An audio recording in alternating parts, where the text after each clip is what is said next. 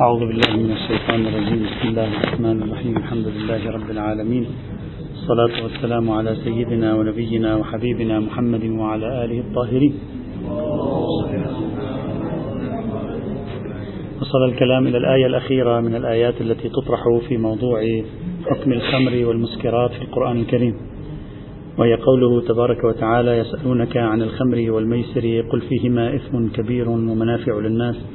وإثمهما أكبر من نفعهما. إلى آخر الآية القرآنية.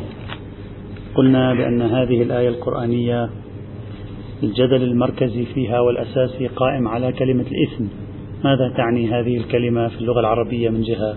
وماذا تعني هذه الكلمة في التداول؟ يعني في الاستخدام القرآني والحديثي من جهة أخرى. لنعرف هل القرآن والحديث قاما بنقل هذه الكلمة إلى فضاء جديد ديني أو لا هذه الكلمة ما زالت على فضائها اللغوي الأصلي الذي كان موجودا عند عرب الجاهلية. نريد أن نعرف ما معنى كلمة الإثم في هذا المضمار. وفي هذا الصدد قلنا بأن كلمة الإثم ترددت بين احتمالين أساسيين في كلماتهم هنا في الآية. الاحتمال الأول أن المراد من الإثم هو المعصية كما هو المعروف في أذهاننا نحن المتشرع اليوم. لما تقول إثم ارتكب إثما أي ارتكب معصية. وبالتالي فهذه الآية سوف تدل على حرمة الخمر والميسر. اسمهما أكبر من نفعهما. فيهما إثم كبير. يعني فيهما معصية كبيرة. ليس فقط دال على حرمة الخمر والميسر بل دال على كونهما من الكبائر. وتصبح هذه الآية أقوى من الآية التي في سورة المائدة آه، التي تكلمنا عنها في البداية. هذا احتمال. الاحتمال الذي يقابل أن المراد بالإثم هنا لا ما قابل النفع. في قرينة وإثمهما أكبر من نفعهما. وما قابل النفع هو الضرر. وربما قال بعضهم الفساد. يعني وضررهما أكبر من نفعهما وفسادهما أكبر من نفعهما. تصبح معنى الآية هكذا. ويسألونك عن الخمر والميسر. قل فيهما ضرر كبير فيهما فساد كبير ومنافع للناس وضررهما وفسادهما أكبر من منافعهما. فلا تكون الآية دالة على تحريم. تقول ضررها أكبر من يحتاج إلى أن نثبت كبرى أخرى في مكان آخر أن كل ما هو فيه ضرر أكبر من النفع يكون حراما كما ذهب إليه كما قلنا العلامة فضل الله. أو أن نضم هذه الآية إلى الآية الأخرى التي تكلمنا عنها وتقول قل حرم ربي الفواحش ما ظهر منها وما بطن والإثم. فتكون تلك الآية كبرى وتكون هذه الآية صغرى. الخمر إثم ببركة هذه الآية وكل إثم محرم ببركة تلك الآية. النتيجة الخمر محرمة. إذا إذا فسرنا الإثم بمعنى المعصية تصبح هذه الآية بنفسها دليل على حرمة الخمر. إذا فسرناها بمعنى الفساد أو بمعنى الضرر وما شابه ذلك فنحن بحاجة إلى الاستعانة بدليل آخر. إما بقاعدة تحريم كل ما ضرره أكبر من نفعه أو بضم الآية القرآنية الأخرى التي حرمت كل إثم. هذا حاصل المشهد الذي طرح. وقلنا بأن الذين فسروا الآية بمعنى الإثم قالوا القرآن استخدم الآية, الآية كلمة الإثم بمعنى المعصية. خلاص هذا مصطلح قرآني الإثم في القرآن معصية. يعني لا حاجة إلى أن نفلسف الأمور ونسقط الأمور. إلى هنا وصلنا. قلنا لابد شوي نتوقف عند كلمة الإثم في اللغة من جهة وعند كلمة الإثم في التداول القرآني من جهة أخرى. لنرى ما الذي يمكن أن يسعفنا في هذا الموضوع. قال الجوهري في كتاب الصحاح الإثم الذنب. وقد تسمى الخمر إثما. وناقة آثمة ونوق آثمات أي مبطئات. يعني الناقة إذا كانت تسير ببطء تقول العرب هذه ناقة آثمة تسير ببطء لا تسير بالسرعة المطلوبة. ناقة تسير بسرعة بطيئة فنقول هذه ناقة آثمة عند العرب. في الفروق اللغوية قال الفرق بين الإثم والذنب الإثم في أصل اللغة التقصير. ومن ثم يسمى الخمر إثما لأنها تقصر بشاربها لذهابها بعقله. طيب إذا لاحظوا معي أن الناقة الآثمة أي الناقة المبطئة في السير مقصرة. هنا يقول الأصل في الإثم التقصير تقصير في كل شيء. ويقول لذلك الخمر سميت إثما. لماذا؟ لأن الخمر تقصر بصاحبها. ماذا تقصر بصاحبها؟ يعني عندما يشربها يزول عقله فلا يقدر على أن يأتي بما ينبغي عليه أن يأتي به. فلا يقدر على أن يقوم بأمور الحياة كما ينبغي. يتباطأ حينئذ. يتراجع. الجذر اللغوي الآن يترجح أنه بمعنى التقصير. يعني لا نقول ناقة آثمة يعني بمعنى مذنبة أو عاصية وإنما ناقة آثمة أي بمعنى تمشي ببطء. ابن فارس في معجم مقاييس اللغة من كما نعرف من طبيعته أنه يذهب إلى الجذر الأصلي للكلمة. ماذا قال؟ قال الهمزة والثاء والميم اسم تدل على أصل واحد يعني ليس لها في اللغة إلا معنى واحد ومن هذا المعنى تتفرع سائر المعاني. من هذا المعنى الواحد تتفرع سائر المعاني. وهو البطء والتأخر. يقال ناقة آثمة أي متأخرة. ثم قال والاسم مشتق من ذلك. حتى الاسم الذي نحن نعرفه بمعنى المعصية أصلا هو راجع إلى البطء. كيف؟ يقول لأن ذا الإثم الشخص الذي يأتي بالمعصية بطيء عن الخير متأخر عنه. الإنسان الذي يفعل المعصية هو في الحقيقة ماذا؟ يتباطأ عن فعل الخير. الفعل الخير ما هو؟ ترك هذه الذنوب. فهو يتباطأ عن ما هو الخير. ولذلك سمي اسما تحليل ابن فارس يجعل المعصية ترجع إلى معنى أسبق. في معنى كل وهو البطء والتقصير. يقول وذكر ناس عن الأخفش يعني بعضهم نقلوا عن الأخفش وهو من علماء اللغة ولا أعلم كيف صحته. ابن فارس يشكك في هذا النقل اللغوي. إما يشكك في أصل النقل اللغوي أو يشكك في, في صحة الفكرة التي يقولها الأخفش. يقول وذكر ناس عن الأخفش أن الإثم الخمر. يعني الخمر تسمى إثما عند العرب. وعلى ذلك فسر قوله تعالى قل إنما حرم ربي الفواحش ما ظهر منها وما بطن والإثم يعني الخمر. كأنما ابن فارس ما مقتنع كثيرا بهذه القضية أن الإثم هي الخمر وبالتالي الآية هنا تتكلم عن الخمر. قال ولا أعلم كيف صحته ما متأكد. إذا بتحليلك أن هذه أكتفي بهذا المقدار. وراجع كلمات اللغويين الأخرى. بتحليل كلمات اللغويين المعجميين نتوصل إلى ما يلي. الاسم في الجذر اللغوي الأصل اللغوي للكلمة التقصير البطء التأخر. ما شئت فعبر. ما شئت فعبر. طيب. ولذلك أسقطوه على الناقة وأسقطوه على شارب على الخمر لأنها أيضا تعطي هذا التأخر والتباطؤ. الإنسان يصبح بطيئا أصلا. لا يقدر على أن يقوم بالأشياء كما يمكن لغير شارب الخمر أن يقوم بها. طيب هذا التحليل الأول يعني إذا رجعنا إلى استخدامات العرب لأشياء ما قبل الاستخدام الديني. لاحظوا معي إخوتي الكرام عندما تريد أن تنظر في استخدامات العرب الأولى حاول أن تأتي بمثال من كلمات اللغويين ليس مثالا دينيا. المثال الديني عادة ملتبس ممكن يكون إجا بعد الإسلام. ارجع إلى الأمثلة اللي هي من حاق حياة العرب. الناقة. التمرة النخلة الأرض الصحراء السماء. اذهب إلى, الطب... إلى الاستخدامات التي ترتبط بنمط حياة العرب ما قبل الإسلام. لا تأتيني باستخدامات ترتبط بنمط حياة العرب بعد الإسلام. ممكن تكون حصلت حقيقة متشرعية ممكن تكون حصلت حقيقة شرعية. فكلما رجعنا في الأمثلة المستخدمة في اللغة إلى الأمثلة البسيطة غير الدينية كلما كنا أقرب إلى فهم طبيعة استخدامات العرب في العصر الجاهلي للكلمة. إذا نحن الآن استقرأنا كلمات اللغويين خاصة الأمثلة التي تستخدمها العرب وجدنا الأمثلة غير الدينية تعطي معنى واحد وهو البطء التأخر والتقصير. طيب. الآن نسأل.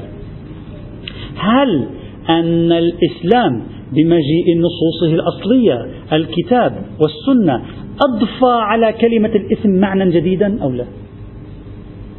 هل أضفى معنى جديدا كما هو معروف؟ مثلا الصلاة قالوا الصلاة والحاج والزكاة والخمس وما غيرها أضفى عليها الإسلام معنى جديدا.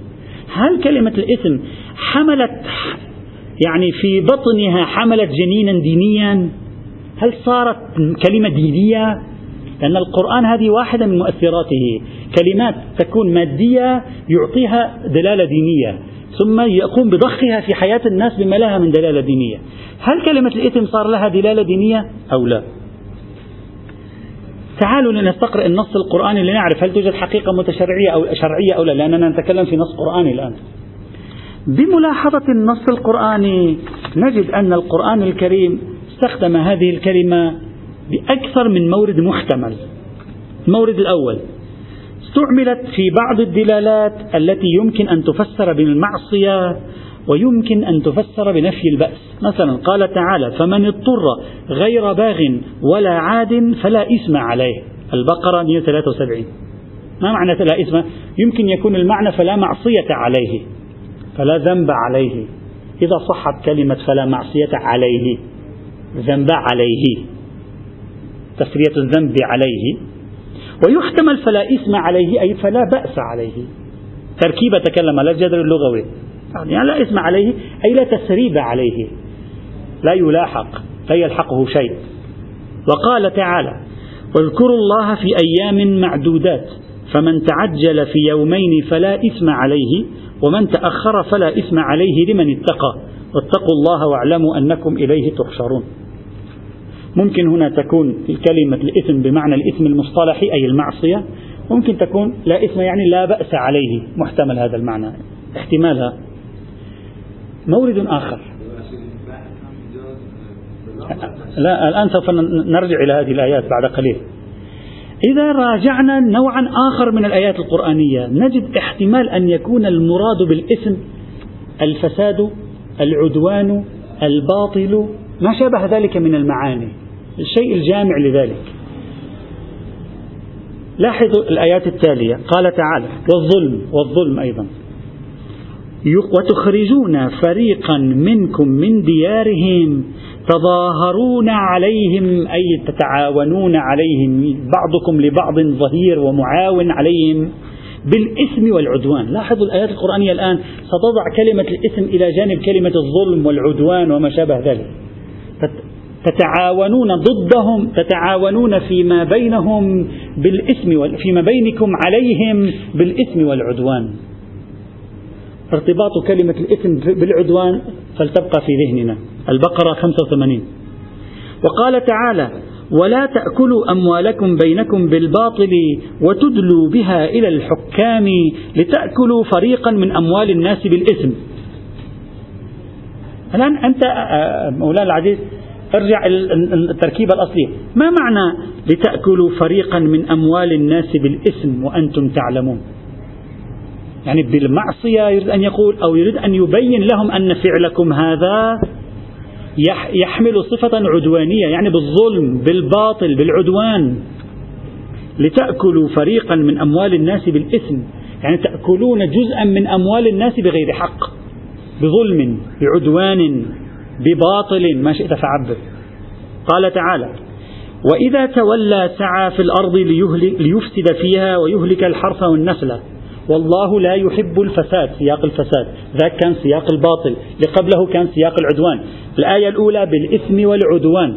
الآية الثانية آه، آه، لا تأكلوا أموالكم بينكم بالباطل لتأكلوا فريقا من أموال الناس بالإثم. باطل إثم. الآية الثالثة سعى في الأرض ليفسد فساد ويهلك الحرث والنسل والله لا يحب الفساد. وإذا قيل له اتق الله أخذته العزة بالإثم فحسبه جهنم ولبئس المهاد. ارتباط بين الفساد وبين الإثم وممكن يكون الإثم هنا بمعنى المعصية أيضا. البقرة 205 206 وقال تعالى وإذا جاءوكم قالوا آمنا وقد دخلوا بالكفر وهم قد خرجوا به والله أعلم بما يكتمون وترى كثيرا منهم يسارعون في الإثم والعدوان. ارتباط بين الإثم والعدوان وأكلهم السحت لبئس ما كانوا يعملون. لولا ينهاهم الربانيون والأحبار عن قولهم الإثم قولهم الإثم. يعني قولهم المعصية يعني قولهم الباطل. ما يقولونه باطل فساد غير حق. ما شئت فعبر قولهم الإثم وأكلهم السحت. لبئس ما كانوا يصنعون. المائدة 61 63 وقال تعالى قل إنما حرم ربي الفواحش ما ظهر منها وما بطن والإثم والبغي بغير الحق. الإثم والبغي بغير الحق. وضع الإثم إلى جانب البغي. دائما يضع الإثم إلى جانب الفساد إلى جانب الظلم إلى جانب البغي إلى جانب العدوان. نعم.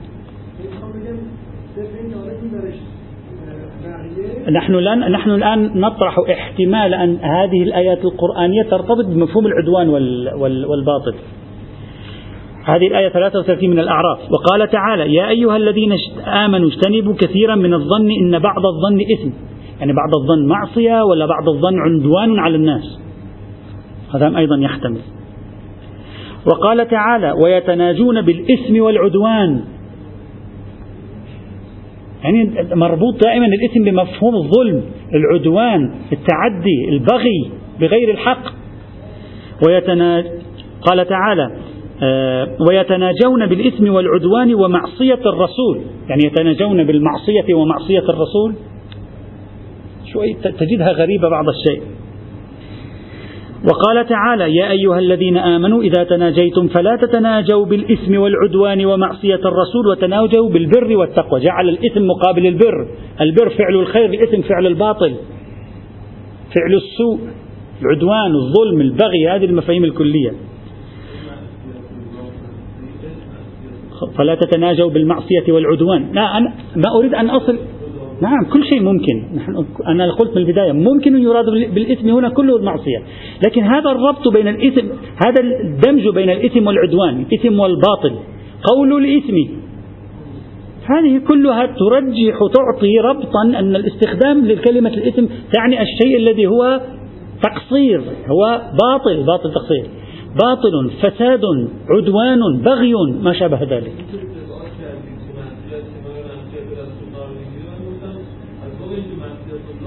معصية لم يقل معصية الله قال يا أيها ليست بمعنى معصية الله بمعنى المعصية. لم يقل أحد معصية الله بمعنى المعصية. يا أيها الذين آمنوا إذا تناجيتم فلا تتناجوا بالإثم والعدوان ومعصية الرسول وتناجوا بالبر والتقوى واتقوا الله الذي إليه تحشرون. وقال وإن أردتم استبدال زوج مكان زوج وآتيتم إحداهن قنطارا فلا تأخذوا منه شيئا أتأخذونه بهتانا وإثما مبينا. يعني بهتان إشارة إلى أن يبرر أن هذا نوع من الظلم والعدوان عليه. لاحظوا معي تركيب القرآن. قال تعالى في سورة لقمان الآية 13 إن الشرك لظلم عظيم. وفي سورة النساء الآية 48 قال إن الله لا يغفر أن يشرك به ويغفر ما دون ذلك لمن يشاء ومن يشرك بالله فقد افترى إثما عظيما. هناك وصفه بالظلم العظيم وهنا وصفه بالإثم العظيم. لاحظوا تركيب الآيتين مع بعضهما يعطي تعزيز أن كلمة الإثم لها علاقة بمفهوم البغي العدوان الظلم.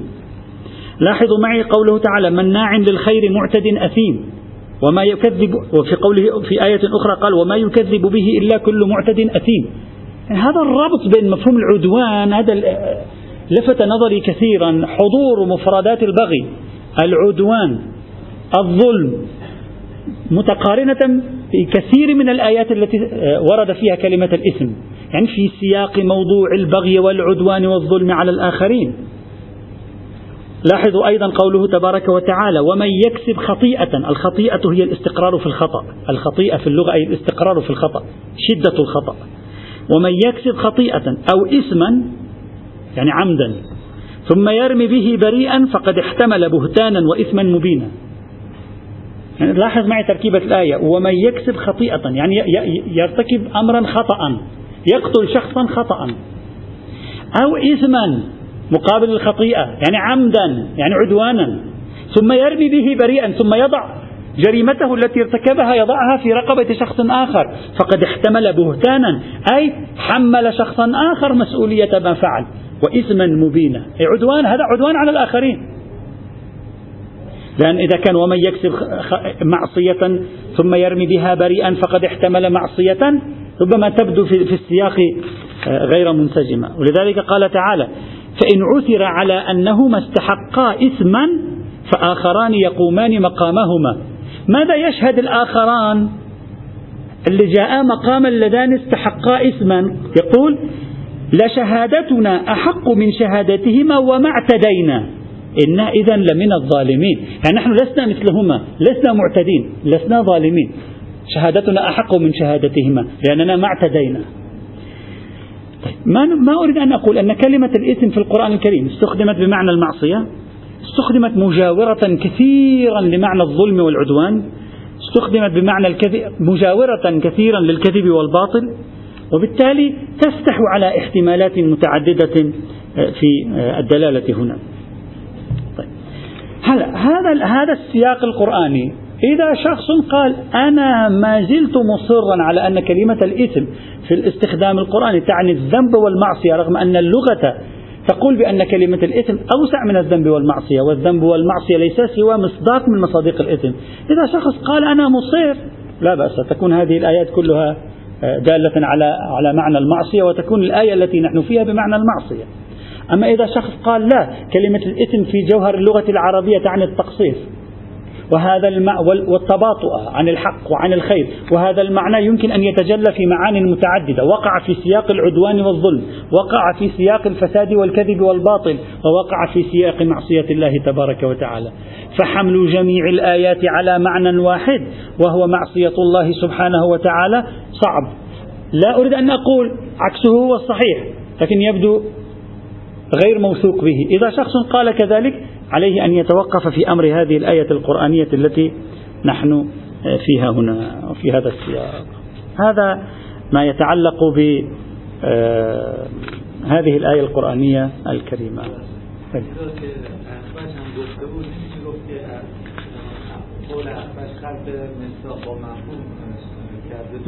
هذا الذي نريد أن ندعي نقول مفهوم الكلمة هو كلي ما هو على خلاف الصحيح ما خلاف ما ينبغي أن يفعل.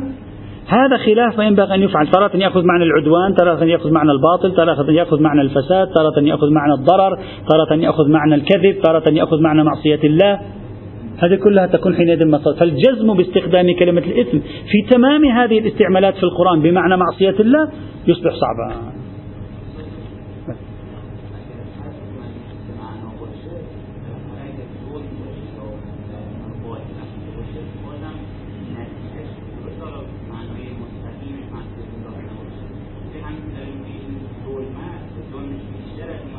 ففي آية الخمر يصبح المعنى هكذا. قل فيهما باطل كثير. ومنافع للناس. وباطلهما أكثر من منافعهما. كيف عرفت؟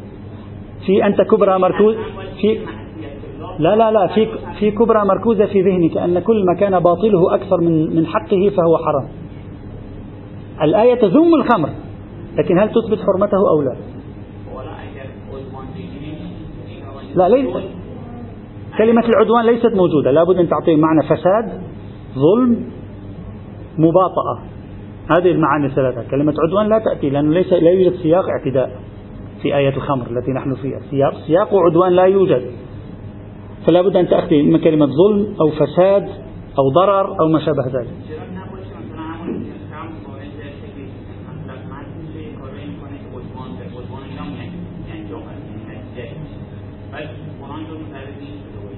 يعني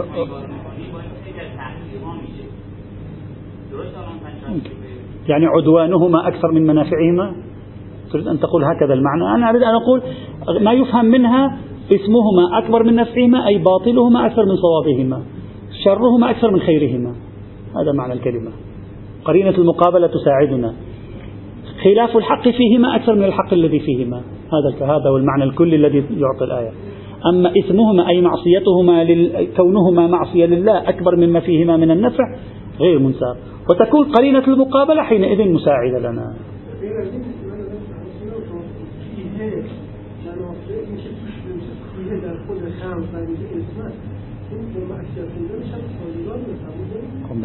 يرجح أنه معصية فيهما أكثر من منافعهما ثقيلة تصبح حينئذ. يعني ما أريد أن أقول مع تنوع استخدامات القرآن الكريم وعدم إحراز المعصية من جميع الاستخدامات نرجع إلى المعنى اللغوي. المعنى اللغوي هنا بقرينة المقابلة أن نقول شرهما أكثر من خيرهما باطلهما أكثر من حقهما فسادهما أكثر من صلاحهما. جيد هذا هذا مقبول. لكن من قال أن كل شيء فيه فساد أكثر مما فيه صلاح فهو حرام لابد من إثباته بقاعدة كلية. ولذلك قلنا إذا ثبت بقاعدة كلية يكون هذا بيان للصغرى لا بيان للحرمة.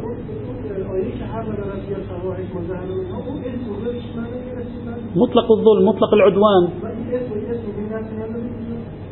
لا. لا معنى كلمة الإثم هناك ستأتي الآن عندما نناقش العلامة الطبطبي لأن تلك الآية مكية. سنرى احتماليات معنى كلمة الإثم في تلك الآية القرآنية في سورة الأعراف. نعم.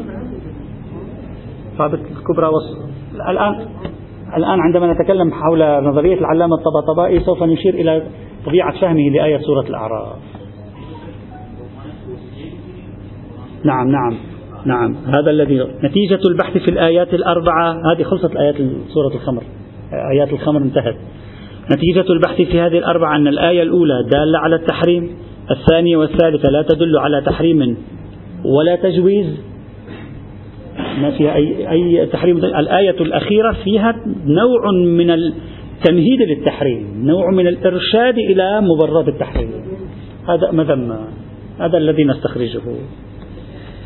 طيب بعد أن انتهينا من هذه الآيات الأربعة في مقاربة أولية يأتي سؤال مهم جدا هنا. هل الخمر في الإسلام هل المسكر في الإسلام حرم منذ البعثة النبوية منذ البداية أو حرم في المدينة؟ وفي مكة كان يجوز شرعا شرب الخمر. وعلى هذا الأساس كان بعض الصحابة يشربون الخمر كما ورد في التاريخ. هنا توجد ثلاثة آراء. هذا موضوع مهم جدا. توجد ثلاثة آراء أساسية في التراث الإسلامي الشيعي والسني. الرأي الأول قالوا الخمر حرام في جميع الأديان من أول يوم ومن أول يوم جاء فيه النبي الخمر حرام في مكة لم يحللها قط ولم يسكت عنها قط. وإنما بمجرد مجيئه كانت هذه هذا النوع من المشروبات محرم في الشريعة. هذا الرأي الأول. الرأي الثاني. الآن سنأتي الأدلة بعد. رأي الأول الرأي الثاني. قالوا الخمر ببداية الإسلام لم تحرم لكن في أي يوم من الأيام لم تحلل. مسكوت عنها. بعد ذلك حرمت. هذا الرأي الثاني رأي ثالث. الخمر في الإسلام حللت. حللت. نصت النصوص على أنها حللت ثم بعد ذلك حرمت. ثلاث آراء في تراث المسلمين. الرأي الأول الخمر منذ اليوم الأول حرام وظلت حرام. الرأي الثاني الخمر منذ اليوم الأول ليست بحرام وليست بحلال. تدريجيا حرمت. الرأي الثالث الخمر منذ اليوم الأول جاء الدليل على تحليلها حللت رخصت للمسلمين ثم بعد ذلك عرض التحريم.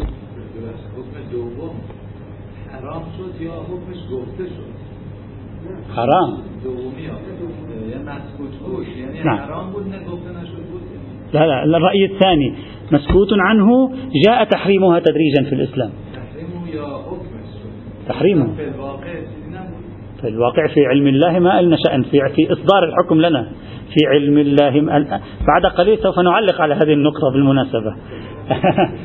في في علم الله ما, ما عندنا الآن. هو الله يعلم شريعته من منذ الأزل.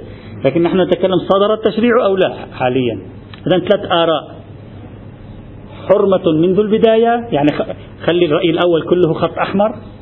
الرأي الثاني خط أصفر ثم أحمر. الرأي الثالث أبيض حلال ثم أحمر. بهذه الطريقة. هذه ثلاث آراء في هذا الموضوع. أهم رأي سوف نتوقف عنده لأنه هو المهم لأننا سابقا ناقشنا الرأي الذي يقول بأنه جاء الدليل على ترخيصها ثم حرمت. قلنا لا يوجد دليل أبدا على أنه رخص فيها ثم حرمت. قلنا الآيات السابقة ليس فيها أي آية تدل على أن الشريعة قالت يجوز لكم شرب الخمر. ما في أي آية. فهذا الرأي الذي يقول بأنها رخص فيها ثم حرمت ناقشناه سابقا. بقي عندنا الرأي المهم الأكثر أهمية هو أن الخمر في لحظة زمنية هل ثمة لحظة زمنية لم تكن محرمة أو لا؟ سنسمي هذه النظرية نظرية التحريم المكي أو نظرية التحريم من أول البعثة. ما هي الأدلة التي تساق على أن الخمر من أول البعثة حرام؟ يعني من أول ما يجي النبي حرام الخمر مثل الشرك بالله حرام. الدليل الأول أو عندنا عدة محاولات لإثبات التحريم المكي للخمرة المحاولة الأولى محاولة العلامة الطبطبائي. سأشرحها لأن العلامة الطبطبائي تكلم عن الموضوع في عدة مواضع. سأشرح نظريته وبعدين نعلق بالسبع تعليقات على نظرية العلامة الطبطبائي. العلامة الطبطبائي قال سورة الأعراف هي سورة الأعراف. أنا لأن حتى أختصر سورة الأعراف يعني إنما حرم ربي الفواحش ما ظهر منها وما بطن والإثم. سورة الأعراف تحرم الإثم بشكل صريح. هذا الموجود. آية سورة البقرة تعتبر الخمر إثما. صحيح؟ قل فيهما إثم كبير. سورة الأعراف مكية. لا بد أن تكون الخمر محرمة في مكة. لاحظ معي جيدا. الله في مكة ماذا قال؟ حرمت عليكم الإثم. أين؟ الإثم حرام. كل إثم حرام. في المدينة ماذا قال؟ قال أنا سابقا حرمت عليكم الإثم صحيح؟ نعم حرمت علينا الإثم. الخمر إثم. إذا هو متى حرم علينا الخمر؟ في مكة. لم يحرمها في المدينة. شوي شوي غريبة. شوي غريبة. الآن العلامة الطبطبائي له أكثر من بيان وسنرى بيانات العلامة الطبطبائي كيف قرب الموضوع. أول صيغة مبدئية هكذا. الله في, في, في مكة في سورة الأعراف قال الإثم حرام. في سورة البقرة في المدينة قال الخمر إثم. ما معنى ذلك؟ معنى عندما قال الإثم حرام حرم الخمر. الآن في في المدينة قال لنا الخمر إثم. يعني ما حرمته من قبل الآن أكشفه لكم أكشف لكم أن الخمر إثم. وإلا هي محرمة من مكة. وعلى هذا الأساس أول أول من التأويل أول العلامة الطبطبائي روايات سوف نأتي على ذكرها شيعية وسنية عديدة تقول فيها هذه العبارة من قبل أن من قبل أن تحرم الخمر. في روايات سنذكرها. تستخدم هذا التعبير تقول كذا وكذا وكذا من قبل أن تحرم الخمر. شو معنى من قبل أن تحرم الخمر؟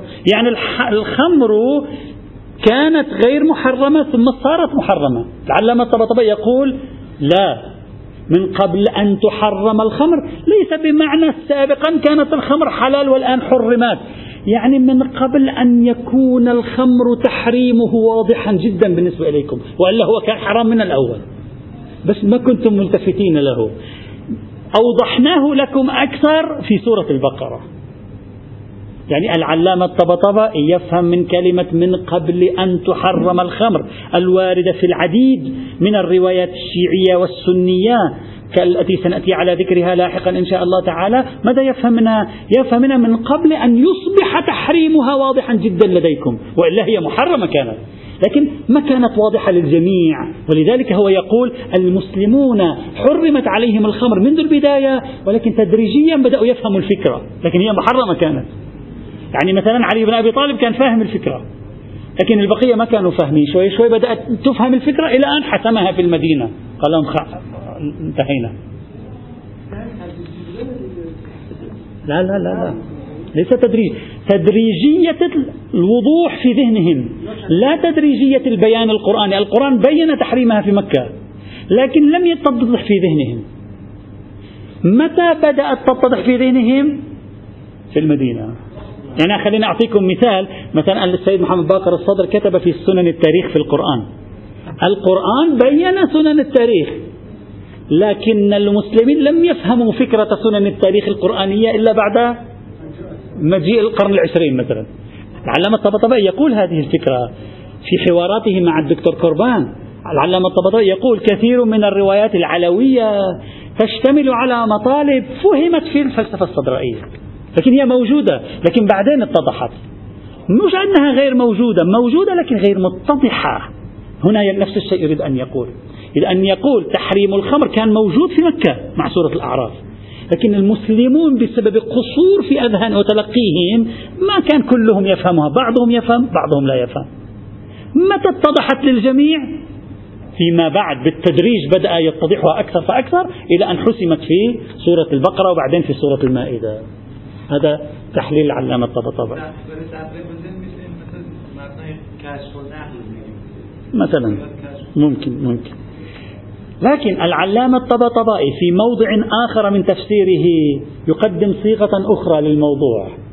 يعني هو العلامة الطبطبائي يبدو لي. معقد القضية عنده كانت بعض الشيء ويريد أن يخرج من مشكلة أن الخمر حللت في الإسلام. كما قلت سابقا موضوع أن الخمر يمكن أن يكون فيها مجال سده الفقهاء من جميع الجوانب لا يمكن أن تكون فيها خيرية أبدا لأنها تعتبر من أعاظم الشرور فلا يمكن أن نسمح بأن الإسلام في لحظة ما كان يرخص للمسلمين والمسلمون كانوا يشربون الخمر عادي. يعني تبدو ثقيلة على الإنسان. في موضع آخر علامة الطبطبائي ماذا قال؟ قال نقر نقر هو يقول نقر بأن الخمر لم تحرم بخصوصها في مكة. يعني لم يأتي تحريم للخمر بعنوان الخمر في مكة. لا وإنما بخصوصها بخصوصها حرمت تدريجيا. بشكل تدريجي سكرا ورزقا حسنا اسمهما أكبر من نفعهما اجتنبوا الخمر في سورة المائدة. لكن سورة الأعراف حرم ربي الفواحش والإثم حرمت العنوان الذي هو الإثم العنوان الكلي الذي هو الإثم. وسورة البقرة كشفت لنا أن هذا الكل ينطبق على هذا الجزء الذي هو عبارة عن الخمر. إلى أن جاءت سورة المائدة فحسمت الموضوع. ماذا يريد علامة الطبطباء أن يقول؟ يريد أن يقول تحريم الخمر تدريجي. لكن كيف؟ أرجو أن ننتبه جيدا. المرحلة الأولى التحريم العنواني العام تحريم الإثم. المرحلة الثانية التحريم العنواني الخاص المسمى بالخمر. هذا التحريم العنواني الخاص مر بمراحل تدريجية. سكرا ورزقا حسنا اسمهما أكبر من نفعهما. الخمر والميسر والأنصاب والأزلام رجس من عمل الشيطان. فالخمر حرمت في مكة بالتحريم العنواني العام اسم. وحرمت في المدينة تدريجا بالتحريم العنواني الخاص. شوية يعني البلع صعب لكن يريد أن يقدم محاولة العلامة الطبطبائي هذه صيغة ثانية له. صيغة ثالثة له. يقول في موضع ثالث يقول سورة الأعراف تحرم الخمر في مكة. والسورة البقرة اللي هي اسمهما أكبر من نفعهما اسمهما أكبر من نفعهما. سورة البقرة التي نزلت في أوائل الهجرة أوائل الهجرة جاءت لتبين أن التحريم صار جليا يعني خلاص اتضح التحريم. التحريم في مكة بسورة الأعراف كان شبه جلي غير واضح لكن موجود موجود غير واضح. في سورة البقرة اسمهما أكبر من نفعهما قالت وضحناها أكثر وضحنا تلك الحرمة المجملة أكثر. وهذا يعني أن سورة المائدة نزلت بعد وضوح تحريم الخمر. لاحظ معي جيدا ثلاث مراحل ثلاث مراحل. في المرحلة الأولى سورة الأعراف حرمت الخمر لكن المسلمين عندما تلقوا التحريم ما كان كلهم واضح لديهم. بعضهم واضح بعضهم غير واضح. لما جاءت آية سورة البقرة اسمهما أكبر من نفعهما خلاص تحريم صار واضح. تحريم ماذا؟ صار واضح. لأنهم وضعوا كلمة اسمهما أكبر من نفعهما وضعوها إذا حرم ربي الإثم اتضح لهم أن الخمر صارت حراما. انتهى موضوع حرمة الخمر. متى؟ أوائل الهجرة. أوائل الهجرة. الخمر جميع المسلمين يعرفون أنها حرام. طيب سورة المائدة ماذا تريد أن تفعل؟ سورة المائدة تريد أن تندد بالمسلمين. تريد أن تقول لهم حرمنا عليكم الخمر. وما زلتم تشربونها؟ وهي فيها مضار كذا وكذا وكذا وكذا ورجس من عمل الشيطان. طيب من أين أتى العلامة الطبطبائي بهذا التفسير؟ يقول من ذيل الآية. ماذا تقول؟ ماذا يقول ذيل الآية؟ يقول فهل أنتم منتهون يقول العلامة الطبطبائي فهل أنتم منتهون تهديد؟ يعني يهددهم. يقول لهم هذا ستنتهون أو لا؟ يعني هكذا. في سورة الأعراف في مكة قال لهم الاسم حرام. تحريم غير واضح للجميع. في سورة البقرة أوائل الهجرة حرمها. فيما بعد المسلمون بعضهم بقي يشرب الخمر. نزلت آية سورة المائدة لتقول لهم هذه كذا هذه كذا هذه كذا. إياكم إنني أهددكم. أتنتهون أو لا؟ إذا تنتهون جيد. ما تنتهون في تهديد وراءها فليست آية سورة المائدة هي التي أجلت حكم الخمر في الإسلام. آية سورة المائدة جاءت بعد جلاء حكم الخمر في الإسلام. بعد وضوح حكم الخمر في الإسلام. أين وضح حكم الخمر؟ في آية سورة البقرة فيهما اسم كبير ومنافع للناس. هذه حاصل المحاولة الأولى هي محاولة العلامة الطبطبي وخلاصتها ثبوت تحريم عنواني عال فهمه بعض المسلمين وبعض الآخر لم يفهمه بشكل واضح استجلاء هذا التحريم بشكل حاسم في المدينة. فالتحريم في مكة وليس في المدينة. في المدينة وضوح التحريم لا التحريم. هذه حاصل محاولة العلامة الطبطبائي لإثبات أن الإسلام في منذ مكة كان قد حرم الخمر هنا بعض المناقشات. بل بل هو لذلك أنا جعلتها ثلاثة وأشرت إلى أن العلامة الطبطبي يبدو عليه شيء من الاضطراب في التبيين. مرة يقول حرمت هناك وهنا فقط بين المعنون مرة يقول حرمت هناك هنا بين المعنون سورة آية المائدة تهديد. عباراته فيها شيء من الاختلافات الجزئية لكن أنا في تقدير الفكرة واحدة. يعني لب لباب الفكرة التي عند العلامة الطبطبائي أن الموضوع محرم في مكة. غاية الأمر جلاء التحريم النهائي جاء في المدينة. هذه خلاصة فكرته. توجد هنا عندي مجموعة من المناقشات سأذكر سبع أو ثمان مناقشات. على ما طرحه العلامة الطبطبائي في هذا الموضوع. المناقشة الأولى هل آية سورة الأعراف أصلا اللي كل باني عليها العلامة الطبطبائي كل هذا الأمر هل هي مكية أصلا؟ يأتي إن شاء الله تعالى. الحمد لله رب العالمين.